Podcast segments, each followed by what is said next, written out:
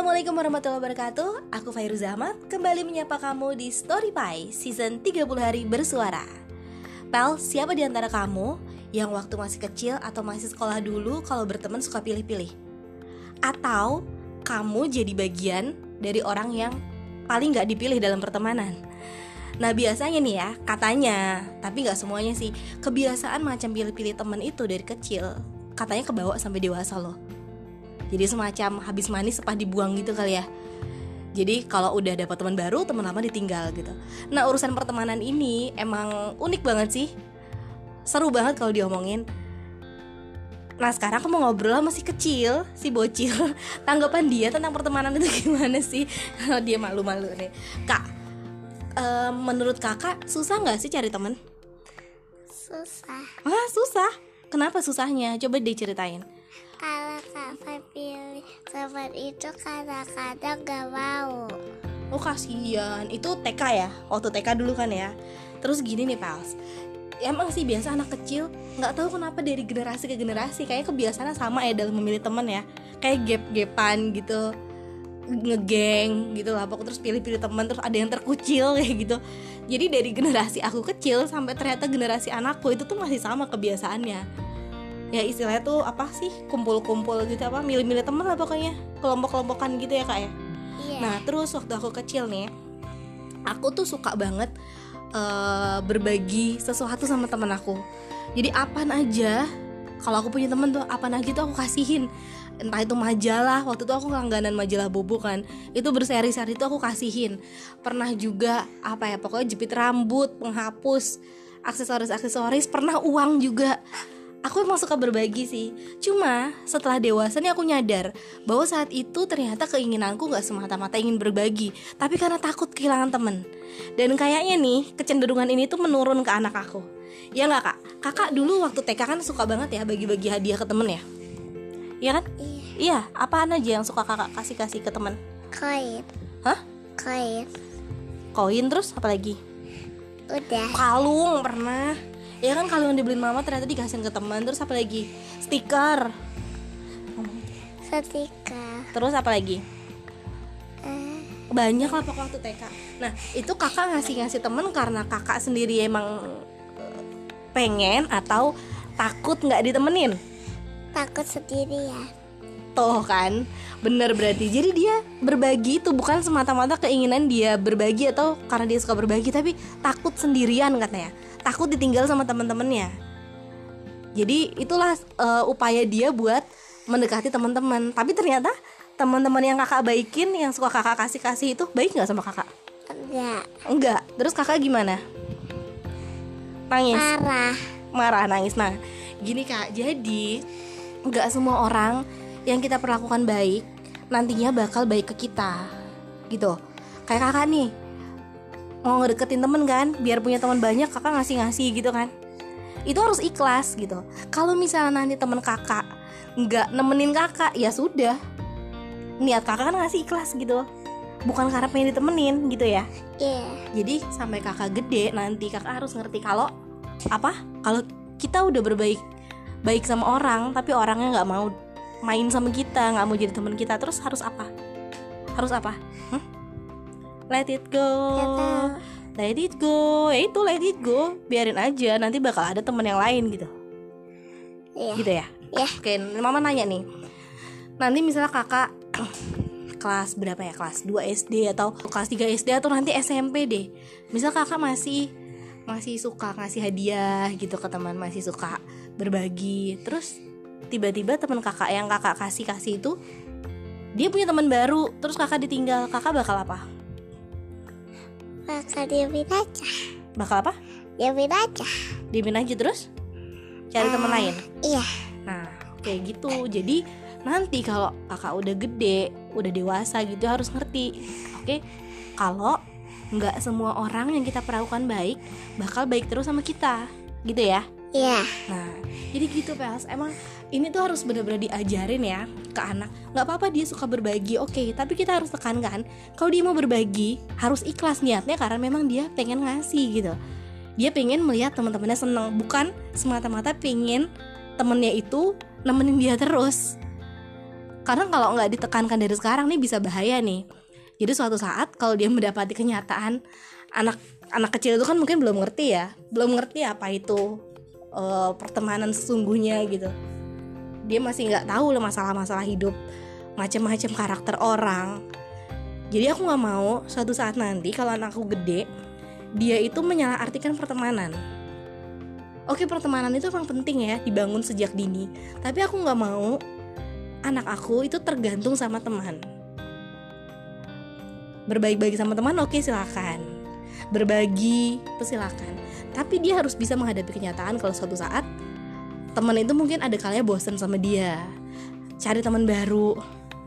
Nggak mau nemenin lagi. Nah dia harus terima gitu. Ini berlaku buat anak-anak ya. Aku nggak berharap sih oh, orang dewasa masih punya karakter seperti ini. Walaupun yang aku menemukan beberapa masih ada yang kayak gitu. Jadi sama orang berhubungan sama orang dalam ikatan pertemanan itu kayak habis manis sepah dibuang gitu. Jadi dekat-dekat sama temennya itu tuh kayak ada maunya aja. Begitu tujuannya sudah tercapai ya udah kayak nggak kenal lagi. Nah itu beberapa orang aku temuin semenjak aku terjun di dunia kerja. Terus ya di berbagai bidang lah selalu ada aja orang kayak gitu. Kamu jangan sampai apal kayak gitu. Berteman itu yang tulus apa adanya. Let it flow gitu. Kalau kamu orang yang baik insya Allah kamu bakal dikelilingi sama teman-teman yang baik kok. Inilah celoteh aku dan kakak Fai dalam sesi 30 hari bersuara tema pertemanan. Sampai jumpa di episode berikutnya besok. Bye bye.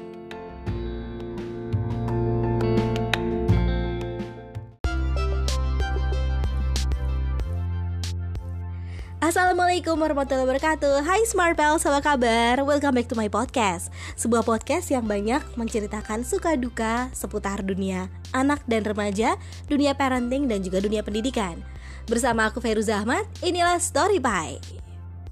Well, masih di season spesial 30 hari bersuara dan ini adalah episode ke-11 tentang persimpangan.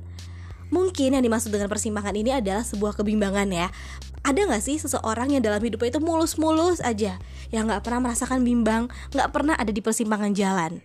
Entah mungkin ada ya. Tapi kalau kamu gimana nih? Kamu gimana, pals? Apakah di antara kamu pernah merasakan kebimbangan yang luar biasa dalam hidup seperti di persimpangan jalan antara kamu mau ke kiri atau ke kanan? Merasa dua-duanya sama-sama harus dilalui. Kalau aku merasa benar-benar di persimpangan jalan itu ketika aku remaja. Aku ceritain sedikit ya, saat itu aku nggak tahu kenapa tertarik banget untuk memakai hijab. Padahal waktu itu aku masih kelas 1 SMP. Nah, aku tertarik pakai hijab ini karena ngelihat salah satu teman aku yang pakai hijab waktu itu. Padahal di masa itu hijab itu benar-benar masih seperti terasing. Itu sekitar tahun 2000 sampai 2001 hijab itu benar-benar terasing pels. Jadi kalau kamu sekolah di sekolah negeri kamu muslim dan kamu pakai hijab itu dianggap uh, kayak gimana ya? Kayak eh aneh banget sih gitu loh. Iya aneh banget. Bayangin aja di satu angkatan itu yang pakai hijab saat itu cuma aku sama temen aku satu. Jadi kita cuma berdua satu angkatan yang pakai hijab.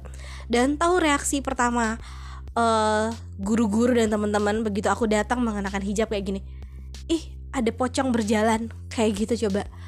Nah pada saat aku memulai uh, meniatkan diriku untuk pakai hijab aku tuh nggak bimbang sama sekali. Aku entah kenapa aku mantep. Padahal waktu itu aku masih kecil kan ya masih umur 12 atau 13 tahun lah saat itu. Entah kenapa aku mantap gitu. Tapi selama menjalani itu di SMP aku selama menjalani itu aku merasa nggak dapat dukungan dari lingkungan sekitar. Dari teman-teman dari guru entah aku kayak ngerasa didiskriminasi gitu loh. Aku nggak boleh ngerasain eh, nggak uh, boleh melakukan kesalahan sedikit pun. Mereka langsung menjudge aku. Jadi seolah-olah orang yang pakai hijab itu harus benar-benar sempurna kayak malaikat gitu Pak Els jadi nggak boleh kita tuh kayak uh, ketawa terbahak-bahak atau uh, kayak apa sih namanya kayak hiperaktif gitu ya. Padahal waktu itu kan masih kecil ya biasa lah. Anak SMP main kejar-kejaran terus lucu-lucuan main dorong-dorongan itu biasa lah. Langsung aku tuh dijudge gini percuma kamu pakai jilbab lepas aja jilbabnya. Aduh aku ngerasa hancur banget. Terus waktu ujian lebih lucu lagi aku nutup-nutupin jawaban. Ya memang harus kayak gitu kan namanya juga ujian Bels kan itu kita harus jujur ya dan kita udah udah belajar semaksimal mungkin masa seenaknya mau dicontek sih sama teman. Terus temanku bilang apa coba? Ih pakai jilbab kok kayak gitu pelitnya. Aduh aku nggak kuat lagi pada saat itu. Bener-bener aku ngerasa lingkungan nggak mendukung banget. Dan bukan cuma teman-teman aja yang seperti itu. Keluarga besar aku juga kayak apa ya men mendiskriminasi aku gitu loh. Kayak mengintimidasi bilang kayak gini kita aja yang udah tua-tua nggak pakai jilbab bisa pakai baju uh, yang keren-keren. Kamu uh, gunanya apa? Rambut di model-modelin kayak gitu. Rambut dipotong bagus-bagus akhirnya ditutup-tutupin. Udah aku nggak kuat banget pada saat itu. Akhirnya aku berada di persimpangan jalan antara mau mempertahankan hijabku atau aku lepas. Akhirnya jeng jeng jeng. Begitu aku lulus SMP aku mau masuk SMA nih, aku membulatkan tekad. Aku memilih ke jalur kiri, yaitu melepas hijab aku, pels. Entah mungkin karena memang sudah, uh, sudah ada di ubun-ubun gitu loh. Kegalauan aku sudah ada di ubun-ubun, kekesalan aku di ubun-ubun dan ngerasa nggak dapat support sama sekali. Jadi aku lepas hijab sama SMA aku nggak pakai hijab.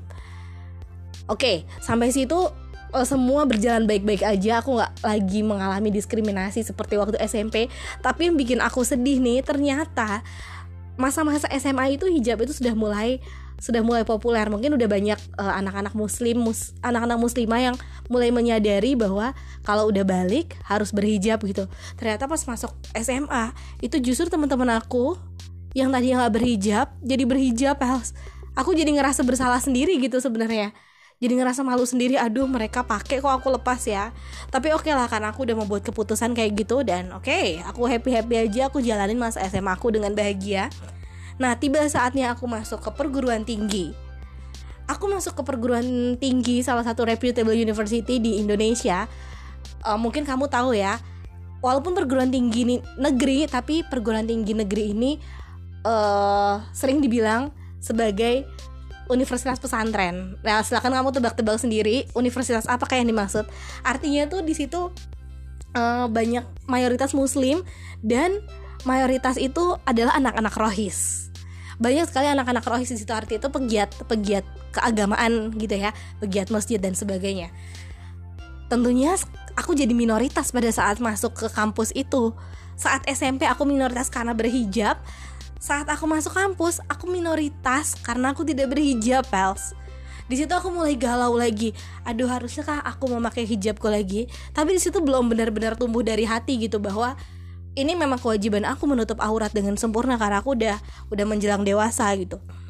Itu belum belum dari hati banget. Aku cuma ngelihat aduh aku minoritas nggak enaknya rasa jadi minoritas. Nah aku di persimpangan jalan lagi pels. Aku kembali dilanda kebimbangan. Mau ke jalur kiri atau ke jalur kanan? Akhirnya setelah support dari teman-teman aku dari teman-teman uh, kos teman-teman asrama yang baik-baik itu dan mereka benar-benar menuntun aku ke jalur yang lurus akhirnya aku putuskan lagi menutup auratku. Dan alhamdulillah sampai sekarang. Ya sepanjang hidup kira-kira itu sih uh, persimpangan jalan yang paling tajam yang pernah aku lalui. Nah sekian lama akhirnya mulai beranjak dewasa aku lebih bisa mengontrol apa yang namanya mengontrol sebuah keputusan gitu. Memang katanya kalau semakin bertambah usia kita kita bakal lebih dewasa dalam berpikir dewasa dalam mengambil keputusan sehingga dalam memutuskan sesuatu itu kita tidak dilanda kebimbangan gitu nah persimpangan jalan berikutnya yang harus aku lalui adalah saat aku memutuskan apakah hendak menikah atau melanjutkan pendidikan aku kembalilah aku di persimpangan jalan. Di satu sisi, apa ya?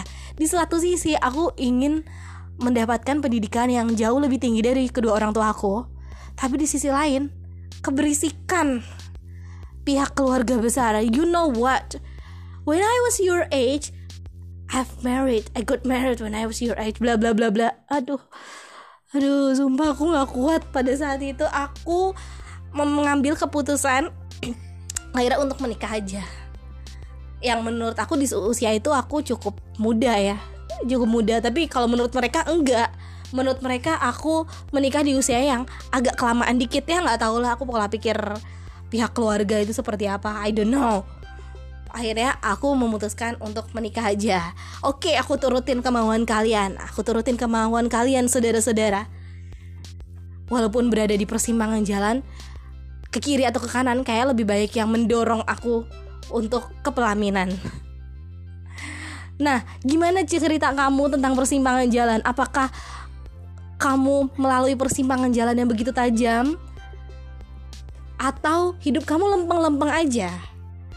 Ceritain ya Pels, tentu aja di sesi kamu sendiri dalam 30 hari bersuara Kayaknya cukup dulu aja ya celatehku kali ini Maaf banget kalau kamu ikut merasakan emosi aku Menceritakan tentang persimpangan jalan ini Kita ketemu lagi besok di episode selanjutnya Dan di tema yang tidak kalah menariknya Aku Feruza pamit, bye-bye